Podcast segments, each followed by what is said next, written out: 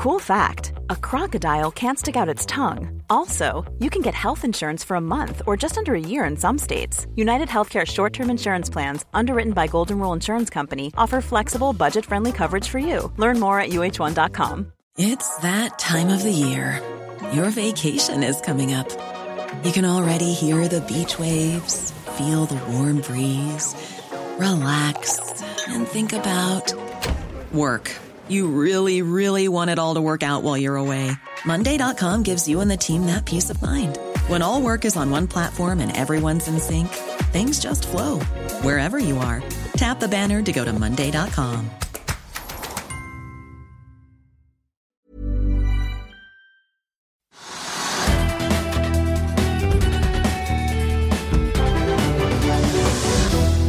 Tormod Høiby, corporate finance-sjef i Pareto og energianalytiker Synne Westman. Velkommen! Tusen takk. Rett fra Fornebu, får jeg si. Ja. Fornøyd så langt? ja, veldig. Det har jo vært eh, spennende å, å nå ha en miks av en virtuell konferanse og en fysisk konferanse. Og rent sånn organisatorisk hvordan det skulle fungere. Men det, jeg håper og tror at det har fungert godt så langt, i hvert fall. Litt annen logistikk enn eh, den vanlige happeningen hvor alle står tett i tett oppe på Holmenkollen. Litt annet enn den vanlige happeningen på Holmenkollen, og veldig annerledes også i fjor, hvor det jo var nesten utelukkende eh, digitalt. Ja. Så vi var jo veldig opptatt av å prøve å få til en fysisk møteplass igjen. Så vi har liksom sagt at dette skal vi få til, og så får vi finne ut hvordan etterpå. Men nå har vi fått det til, så det har vært bra. Dag én er ferdig, dag to kommer i morgen. Eh, dere er jo veldig kjent for å være hva skal vi si, eh, en slags fixer for olje- og gassbransjen. For å hente kapital, få selskaper på børs, eh, ordne lån, alt mulig rart. Dere har jo i takt med industrien også liksom vridd dere mer mot det grønne, som jo du er et eksempel på, egentlig, Synne. Dere kaller dere jo ikke bare olje- og gassanalytikere lenger, nå følger dere med på hele energisektoren. Ja, det er riktig. Nå er det energi som eh, står i fokus. Og det betyr jo at vi fortsatt eh, fokuserer på olje og gass og oljeservice, for så vidt. Men eh, sånn som jeg har fått lov til å se mye mer på fornybarutviklerne og det som beveger seg eh, ja, vind til havs og på land. Ja, for Det må jo åpenbart være mye, mange spørsmål fra investorer som lurer på hva mange av disse selskapene driver med, og hvordan lønnsomheten blir. Men kan dere ikke si litt om hvor er det dere føler liksom vi står nå? I fjor var det jo et rush av nye selskaper inn på Aeronext uh, Growth. Mange liksom nesten gründerselskaper. Mange med, med fine powerpoints og gode ideer, men ikke så veldig håndfaste og ikke så mye inntekter akkurat. Nei. Hvor er det liksom vi er nå? Altså, eh, det er vanskelig å svare veldig kort på det, men jeg tror hovedtankesettet som vi har i måten vi jobber på, er jo å prøve å sette internasjonale investorer sammen med norske selskaper, nordiske selskaper, og få de til å treffes. Og vi tror at det finnes veldig mye spennende i Norge. Hva som er mest spennende i Norge, om det er olje og gass som har vært ledende, det har vært veldig mye innenfor fisk. Og så tror vi den kompetansen man har innenfor både prosessindustri og disse megaprosjektene i olje offshore, og kompetansen offshore, gjør at det er mye både folk og miljøer som har turt å tenke stort. eh, og løse nye utfordringer etter hvert som de kommer. Og så kommer jo teknologien sakte, men sikkert. Og så er det når er det man treffer da teknologi og lønnsomhet. Og det vet man ikke, men man vet at man må hoppe litt før man vet at det er lønnsomt. Og det er jo den brytningstiden vi har stått i nå de siste årene. Og det er kanskje spesielt tydelig gjennom covid-året med fall i oljeprisen og eh, dette voldsomme suget fra investorer inn mot den grønne sektoren. Men det er jo viktig å si at i bunnen av dette så det vi ser etter, er jo å produsere energi. Den kan komme fra fossile kilder, den kan komme fra andre kilder. Og det vi ser nå, er jo at nå er fornybar energi billigere enn fossil energi. Og det er hoveddriveren. Så er det en masse problemstillinger knyttet til dette med energisikkerhet osv. Og, skala og alt mulig. Men det er jo det viktige. Og da fornybart gikk fra å være en god og morsom idé og en gründerbedrift til å bli industrialisert, den fasen står vi jo i nå på en måte. Eh, Ørsted har stått i den lenge. Men eh, den kommer nå, og da er det jo ikke fordi at vi skal ha prosjekter som er subsidiert, men det er jo prosjekter som ikke har subsidier, som er lønnsomme på egen hånd.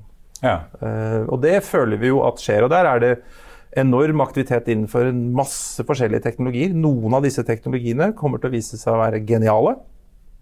Og noen kommer til å vise seg at de var ikke riktig gode nok. Og noen kommer til å kreve et nytt hjem før de blir utviklet, sammen med noe annet. Og Det er vanskelig å vite hvem som er vinneren i det. Kanskje litt som vi så på ikke nødvendigvis IT-boblen, men litt i IT-industrien. hvor vi på en måte, Det kom masse på 90-tallet, internett kom, og så etter hvert så vi at det modnet frem liksom, de som i dag virkelig er store. Åpenbart. Og den markedet ser en trend, og litt forenklet kaster penger på det, gjør jo at det utvikles enormt mye ny teknologi. Og så ble Google bedre enn flowers.com. Men hvis du var med på det, så har du jo for det første drevet utvikling av ny teknologi mye, mye fortere fram. Og så har du jo eh, skapt en hel eh, næring som er interessant, og du har sannsynligvis tjent ganske bra med penger på det også. Og Det er jo det som gjorde at investorene agerte som de gjorde rundt Euronext i fjor, hvor det var mer ideer. Og så tror jo vi en blanding av mange forskjellige ting i og for seg, men at det nå er jo mer de store selskapene som industrialiserer det. Det har noe med modning av teknologi å gjøre. Når er teknologien så moden? Og så har vi jo selvfølgelig en litt spesiell situasjon nå hvor energiprisene har også kommet ganske mye opp, som gjør fornybart enda mye mer lønnsomt. Ja, for det er jo skyhøye gasspriser, oljeprisen er høy, eh, aluminiumsprisen er jo den høyeste den har vært på 13 år. Eh, er, altså, er dette bare en sånn midlertidig sånn Klondyke-stemning på vei ut av pandemien, Synne, eller hva tror du? Tror dere dette vedvarer lenge? Nå skal ikke jeg uttale meg for mye om råvarepriser, men eh, at eh, dette er eh, til dels forbigående, det tror vi jo. Og så får vi se hva som blir normalen. Nå er det, som sier, skyhøye gasspriser. Det er mange faktorer. Og slik strømprisene er nå også, det har jo en påvirkning på mange. Ja, Endrer det synet deres? Altså, vi har jo selskaper som eh, er eksponert mot strømpris på fornybar f.eks. For Gjør det det mer attraktive når dere skal liksom regne på fremtidig inntjening, eller er det eh, det skal nok litt til før at vi drar opp eh, strømprisprognosene til de nivåene vi er på nå. Men selvsagt så vil jo dette være positivt for de som har produksjon på disse nivåene. Dere, det slo meg På konferansen i dag så var jo Kjetil Haug, sjefen i Folketrygdfondet, på scenen på åpningsseansen og, og, var jo ganske tydelig på at uh, ja, vi skal ha det grønne skiftet, men vi kan ikke drive veldedighet. Og han var ganske tydelig på at liksom, selskapene må kunne vise frem uh, lønnsomhet. Uh, ser dere det på en måte i både selskapenes egne planer og måten de er i dialog med investorer på? Ja, men det tror jeg vel alltid er på en måte tilfellet. Og så er det jo ikke alle som lykkes. Uh, målet er jo å tjene penger. Ja, ja, det, ja. Folketrygdfondet har jo en annen, uh, også en annen rolle enn staten. ikke sant? Sånn de kan jo ikke drive veldedighet, men vi tror jo at fornybarsektoren er lønnsom. Og vi tror jo at hvis du ser på situasjonen sånn som den er nå, så er det jo billigere å bygge et fornybar vind og produsere den enn bare marginalkostnaden av å kjøre et et kullkraftverk eller et naturgasskraftverk. Og det er klart, Da vil de økonomiske tyngdeloven tvinge gjennom veldig mye vindmølleparker. Det er helt åpenbart. Men skalamessig, hvor fort du får bygget ut det samtidig som du får tilpasset resten av energiinfrastrukturen, er jo det brytningspunktet vi står i nå. og Dette I forhold til råvarepriser, så er det jo noen av disse råvareprisene som har noen spesielle faktorer. Så er det noe dette som du sier at du kommer ut av en pandemi, du har lave lagre, og så skal du bygge de opp. Men så er det også noen spesialting som kanskje kobber var noe av det første som stakk. Aluminium stakk. Og det er jo mye fordi at fornybar energikjeden krever mye mer av, eh, av de. Så mistenker vi vel at uh, gass, de gassprisene i dag har noe med at Russland uh, så er det strides de lærde da, om de bevisst eller ikke bevisst sender lite gass til Europa. Men, men, uh, men det blir litt sånn ofte at man ser på magasiner og sånne ting i Norge, men det er jo et komplett energisystemet i Europa har jo høye priser, det er ikke et norsk fenomen. Og Det skyldes nok i hovedsakelig lite gass inn fra, fra Russland da, per nå. Jeg lurer på, Hvis man ser på fornybarsektoren, da, så var det jo en veldig topp for veldig mange av selskapene i starten av året. Eh, så har prisingen på flere av de falt ganske kraftig. Eh, kombinert med at vi så f.eks. Equinor på kapitalmarkedsdagen deres før sommeren Eh, varslet investorene om at eh, de kan ikke forvente like høy avkastning som de har signalisert før. Eh, er det en måte er det en boble som har sprukket her, på en måte, er, med en litt sånn realitetsorientering, eller hvordan tolker dere det? Nedgangen vi har sett fra topp i januar, er nok, eh, som du er inne på, en liten reprising av mange grønne selskap. Eh, og så skal det jo sies at vi hadde en rente som begynte å krype litt oppover. Den har for så vidt holdt seg og kommet litt ned igjen. Men det er en eh, Det var mye interesse. Og så fikk man seg en liten eh, ja, wake-up call på hvor den inntjeningen skulle komme fra. Når det gjelder Equinor og det vi har sett i offshore vind, så er det et økt konkurransepress. Eh, og det er eh, et resultat av at sånn som Ørsted har kunnet operere på ganske lønnsomme nivåer i denne sektoren lenge. Og nå kommer det flere til bordet. Men det er en sektor som er i kraftig vekst. Og ja, det skal nok finnes lønnsomme prosjekter der fremover òg. Ja, men er det på en måte litt som Tormod er inne på, det er jo liksom lønnsomt, men det er mange om beinet, så det er liksom inntjeningspotensialet mindre enn det man har trodd. Eh, ikke bare når det gjelder Equinor, men liksom flere former for fornybar energi. Om det er mindre enn det man hadde trodd, det er litt uh, vanskelig å si. For nå er det rett og slett at man beveger seg jo, som Tormund er inne på, fra en fase der det har vært uh, Ta offshore vind igjen, da. Det var jo en nisje. Og nå har det blitt en mye mer mainstream asset. Det har blitt uh, for all del vært kommersialisert lenge, men og når man beveger seg nedover den modenhetsskalaen, så vil du se andre eh, avkastningsnivåer enn man gjorde i starten. Ja. Hva tror dere, liksom, Hvis dere ser på disse forskjellige sektorene Innenfor alt det grønne så har vi alt fra sånn karbonfangst, vi har fornybar energi, vi har eh, ammoniakk i grønn eller blå form. Det, liksom, det, er veldig mange ulike prosjekter som lanseres nå. Mm. Er det noen av de som utpeker seg som liksom, det som kan gå virkelig bra? Eller som investoren har preferanse for? Altså, Nei, altså, det er jo mange som er åpenbart investoren har preferanse for. det, det som er mest modent, er jo eh, vind og sol. Uh, og sol er jo et mer globalt fenomen, og det er vanskelig for Norge å være verdensledende på sol som sådan. Men vi har jo hatt mange som har fått til ting på sol i Norge også. Uh, og så har du for vind, som har begynt å bli mer modent, og hvor kostnadene tross alt har kommet veldig kraftig ned. Mm. Uh, og uh, at uh, Statoil må nedjustere sin, eller Equinor, da, det er vanskelig å venne seg til det etter å ha fulgt i 25 år, men de, de, de, at avkastningskravet kommer ned. Det er klart Hvis du bytter fra olje som man er usikker på hvor lenge oljenærindustrien varer, og man har ganske store sving i råvareprisen over tid, at avkastningskravet er lavere på en vindmølle for eksempel, som skal stå der ute i 25 år og floppe rundt og få, få strøm, til og med noe av det på, på, på, på, faste priser, så det klart det gir et mye lavere avkastningskrav. Men det betyr jo ikke nødvendigvis at det er mindre lønnsomt. Det er jo veldig lavt avkastningskrav i eiendomssektoren nå. Det har vist seg å være mhm. ok å være i den næringen også. så man må skille litt på det. Og så har vi jo batteri som er spennende. Det er jo mange nå som har tatt ordentlig sats og prøver seg på batteri. Eh, jeg har hatt en elbil i syv år, og den batteripakka kostet 500 000 da jeg kjøpte bilen, og nå får du den samme for 100 000. Og hvis det går syv år til, og den da fortsetter å falle nedover, så blir jo batteri en veldig viktig bit i det. Men det som jeg tror er fellesnevneren for det som kommer inn i Norge, er jo at vi er gode på prosessindustri fra tilbake igjen fra uh, Hydro for 1905. Så er vi veldig gode på offshorekompetanse. Så er vi gode på megaprosjekter. Og så har vi veldig mye fornybar kraft. Så det er jo miksen av de, eh, kanskje de tingene hvor Norge gjør det aller best. da. Og bare litt også tilbake igjen til Jeg har vært analytiker selv i mange år, så du kan jo lage en kursgraf på litt som du vil. Så hvis du tar den fra peak i januar, etter at folk hadde tjent enormt mye penger, til nå, så har kursen falt mye. Hvis du ser hvor den har vært for grønne selskaper fra konferansen vår i fjor, så er den tross alt opp 18% Hvis du ser i forhold til før covid, så er jo de grønne selskapene fortsatt opp 60% Så det er jo det er bedre enn SNP, det er bedre enn oljeselskapene, som jo faktisk har falt da i det litt lengre bildet.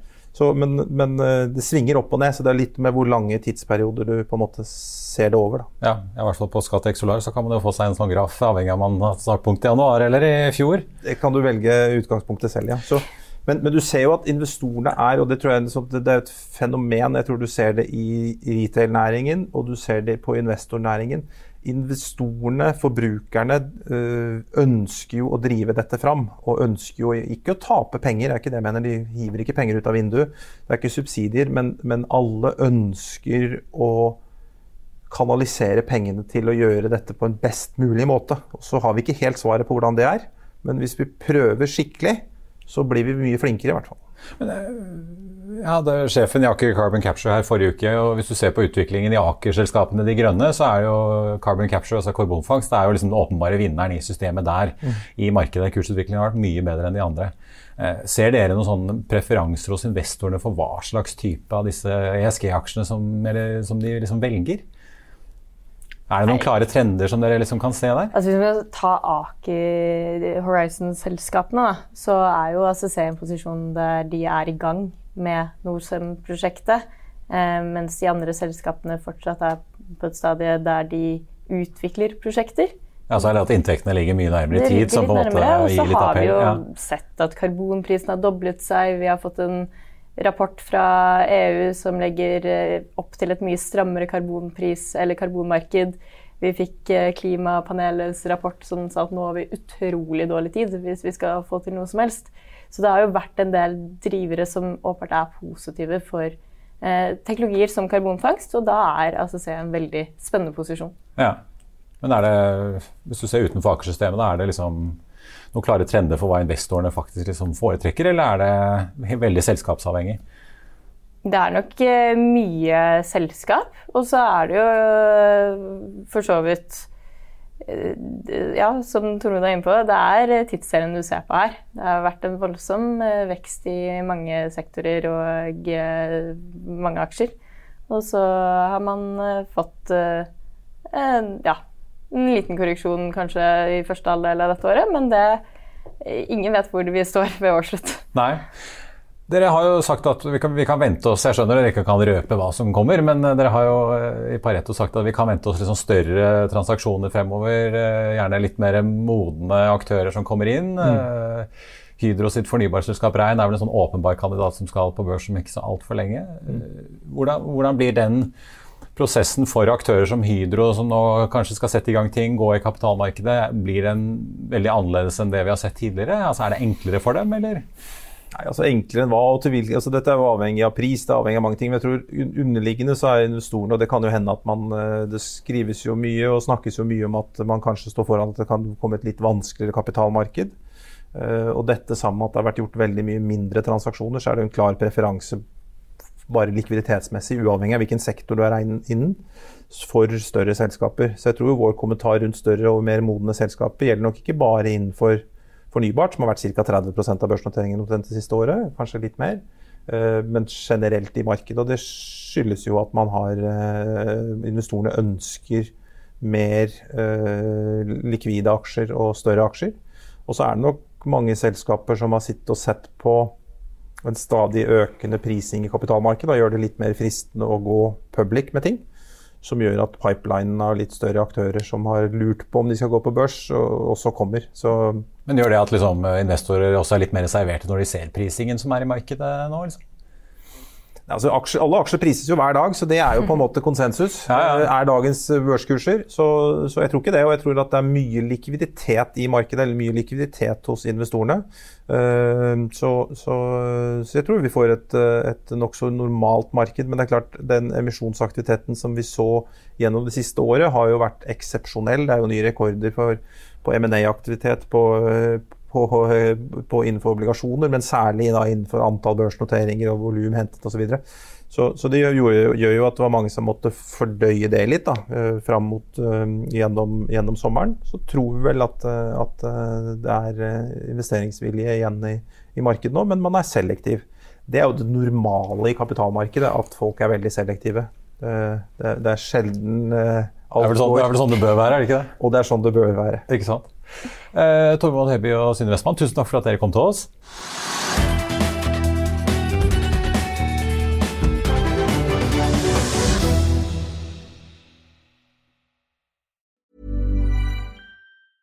Hey, it's Danny Pellegrino from Everything Iconic. Ready to upgrade your style game without blowing your budget? Check out Quince. They've got all the good stuff shirts and polos, activewear, and fine leather goods, all at 50 to 80% less than other high end brands. And the best part? They're all about safe, ethical, and responsible manufacturing. Get that luxury vibe without the luxury price tag. Hit up quince.com slash upgrade for free shipping and 365 day returns on your next order. That's quince.com slash upgrade. Hi, I'm Daniel, founder of Pretty Litter. Cats and cat owners deserve better than any old fashioned litter. That's why I teamed up with scientists and veterinarians to create Pretty Litter. Its innovative crystal formula has superior odor control and weighs up to 80% less than clay litter. Pretty Litter even monitors health by changing colors to help detect early signs of potential illness. It's the world's smartest kitty litter. Go to prettylitter.com and use code ACAST for 20% off your first order and a free cat toy. Terms and conditions apply. See site for details. For the ones who work hard to ensure their crew can always go the extra mile, and the ones who get in early so everyone can go home on time, there's Granger, offering professional grade supplies backed by product experts so you can quickly and easily find what you need. Plus, you can count on access to a committed team ready to go the extra mile for you. Call, clickgranger.com, or just stop by. Granger, for the ones who get it done.